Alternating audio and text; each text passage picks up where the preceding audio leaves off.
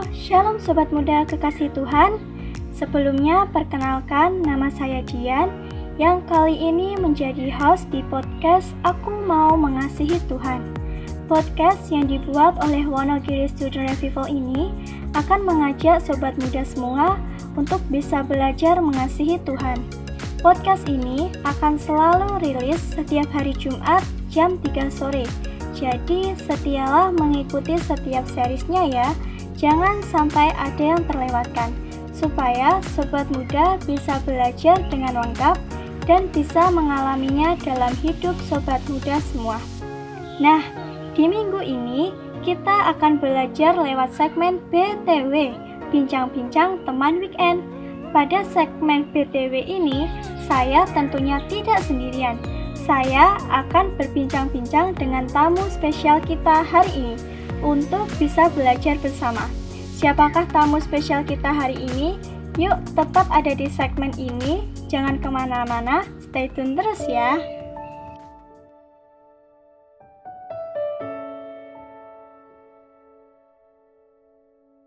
Baik sobat muda semua, episode BTW minggu ini masih akan membahas mengenai topik pemulihan. Di minggu lalu kan kita sudah belajar mengenai pola pertahanan kiri.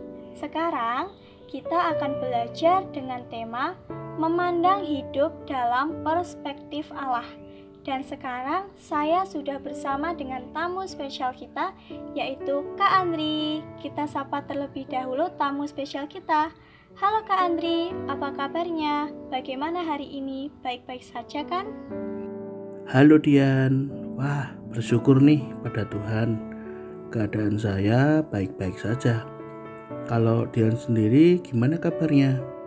Puji Tuhan, kabar saya juga sangat baik. Oh iya kak, minggu ini tema kita kan tentang memandang hidup dalam perspektif Allah. Nah, apa sih maksud tema hari ini dan kenapa sih kita perlu memandang hidup kita dalam perspektif Allah? Oke Dian, ya minggu-minggu lalu kita memang sudah belajar mengenai pemulihan, itu tema besarnya ya. Yang secara umum itu membahas luka batin, dan kita juga membahas mengenai okultisme ya kemarin. Nah, kita sudah melihat seperti apa bentuknya dan seberapa besar pengaruhnya dalam hidup kita. Kita juga menyadari bahwa ini adalah masalah yang besar dan gawat dalam hidup kita. Lalu, mari kita bertanya, mengapa hal ini bisa terjadi ya? Kenapa seakan-akan Tuhan itu mengizinkan hal ini terjadi? pada diri kita. Nah, kalau kita memandang kenyataan ini dari sudut pandang manusia, tentu kita tidak akan menemukan jawabannya. Oleh karena itu, satu-satunya cara pandang yang dibutuhkan dalam menanggapi luka-luka batin ini adalah dengan sudut pandang Allah. Begitu, Dian? Oh, begitu ya, Kak. Wah, sangat menarik sekali tema kita pada hari ini ya, Kak. Lalu, bagaimana ya cara memandang hidup dalam perspektif Allah itu? Oke, Dian dan sobat muda semua, mari kita belajar bagaimana cara memandang hidup kita dalam perspektif Allah. Memandang hidup kita dalam perspektif Allah itu menjadi kunci utama untuk bisa menjalani kehidupan ini. Nah, mari sobat muda semua, kita belajar hal ini. Yang pertama itu adalah Allah itu terlibat dalam segala perkara. Fakta paling mendasar yang perlu kita sadari adalah bahwa Allah telah memilih kita sebelum dunia dijadikan dan menentukan kita sebagai anak-anaknya berdasarkan kasih karunia-Nya. Itu kita bisa ambil di Efesus 1 ayat 4 sampai 6. Allah membentuk kita saat kita dalam rahim ibu di Yeremia 1 ayat 5 yang artinya semua rangkaian kehidupan kita sudah selesai ditetapkan oleh Allah saat dalam kandungan. Allah telah menetapkan kita untuk sebuah tugas atau panggilan khusus yang telah Ia sediakan. Ia terlibat dalam segala perkara untuk mendatangkan kebaikan bagi kita sehingga kita bisa bertumbuh semakin serupa dengan Kristus dalam hal watak. Di Roma 8 ayat 28 sampai 29. Kesimpulannya, entah sebuah kejadian yang sifatnya sengaja atau tidak sengaja itu Allah terlibat di dalamnya. Terus kita kedua, yaitu memandang perjalanan kehidupan kita belajar tokoh pertama adalah Daud.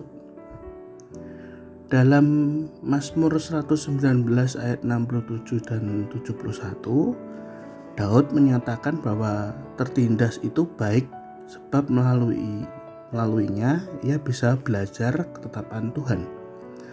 Hal itu terbukti saat dalam peristiwa di 1 Samuel 24 saat ia dikejar-kejar Saul dan dua kali memiliki kesempatan untuk membunuh Saul. Ia tidak berani melakukannya sebab ia tahu bahwa Saul ini adalah orang yang diurapi Tuhan. Hati Daud bisa menjadi sangat lembut karena penindasan yang ia alami sebelumnya. Lalu ada tokoh yang kedua, yaitu Yusuf.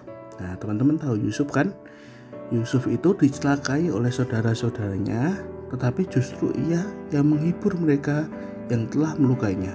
Kita bisa lihat di kejadian 45 ayat 3 sampai 8. Yesus setia melihara rasa takut akan kepada Allah di dalam setiap penderitaan yang dialami. Ia mampu melihat kebaikan pekerjaan Tuhan di balik setiap penderitaan itu. Nah, lalu setelah itu kita belajar tentang prinsip-prinsip kehidupan. Kejahatan itu tetaplah kejahatan, tetapi Allah secara misterius dan ajaib sanggup memakai kejahatan itu untuk sebuah maksud kebaikan. Nah, terkadang tidak selalu kita harus mengetahui mengapa hal itu terjadi. Orang-orang di sekitar kita bisa merencanakan yang tidak baik kepada kita. Tetapi Allah campur tangan membuat kita yang mengalami kejadian tersebut masuk di dalam rencana indahnya. Nah, respon kita terhadap peristiwa-peristiwa yang terjadi dalam hidup ini akan menentukan bagaimana kita menemukan rencana indah Allah lewat peristiwa itu. Nah, begitu ya Dian. Wah, ternyata memandang kehidupan kita dengan sudut pandang Allah sangat penting sekali ya Kak. Kita bisa tahu maksud Allah apa saja yang kita alami dan hal ini membuat kita hidup dengan damai sejahtera. Kalau begitu, Kak, bagaimana langkah awal yang harus kita lakukan ya? Ya, betul sekali, Dian.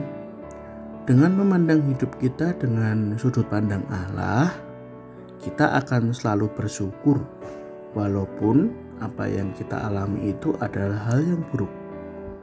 Dan itu membuat kita itu bisa menjadi tenang tidak stres atau khawatir lagi. Nah, lalu apa ya yang perlu kita lakukan?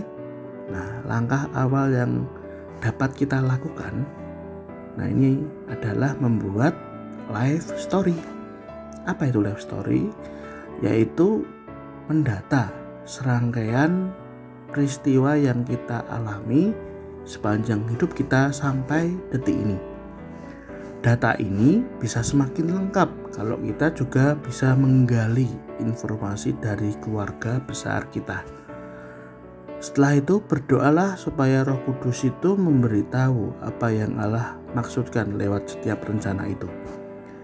Kita bisa menuliskannya, kemudian bersyukur untuk apa yang kita temukan tersebut dan tentunya menghidupkan rencana Tuhan seperti yang Dia atur. Nah, begitu ya Dian. Ternyata gitu ya kak. Menarik banget nih kita ngobrol-ngobrol pada hari ini. Kita sudah belajar banyak mengenai memandang hidup dalam perspektif Allah. Kiranya kita semua bisa terus memandang hidup kita dalam perspektif Allah. Karena kita tahu bahwa dengan memandang hidup kita dalam perspektif Allah, kita bisa terus bersyukur, tidak mengeluh ataupun khawatir. Berharap sobat muda semua selalu bisa membuat langkah awal yaitu membuat life story kehidupan kita. Terima kasih ya Kak Andri atas diskusinya pada hari ini. Berharap melalui podcast ini, melalui mengobrol-mengobrol kita kali ini, dapat memberkati sobat muda semuanya di mana pun mereka berada. Terima kasih Mas Andri, Tuhan Yesus memberkati. Siap Dian, terima kasih kembali. Senang bisa berbagi kepada Dian dan sobat muda semua. Kiranya Tuhan juga memberkati Dian dan sobat muda semuanya. Sampai jumpa lagi di lain kesempatan ya teman-teman. Dadah.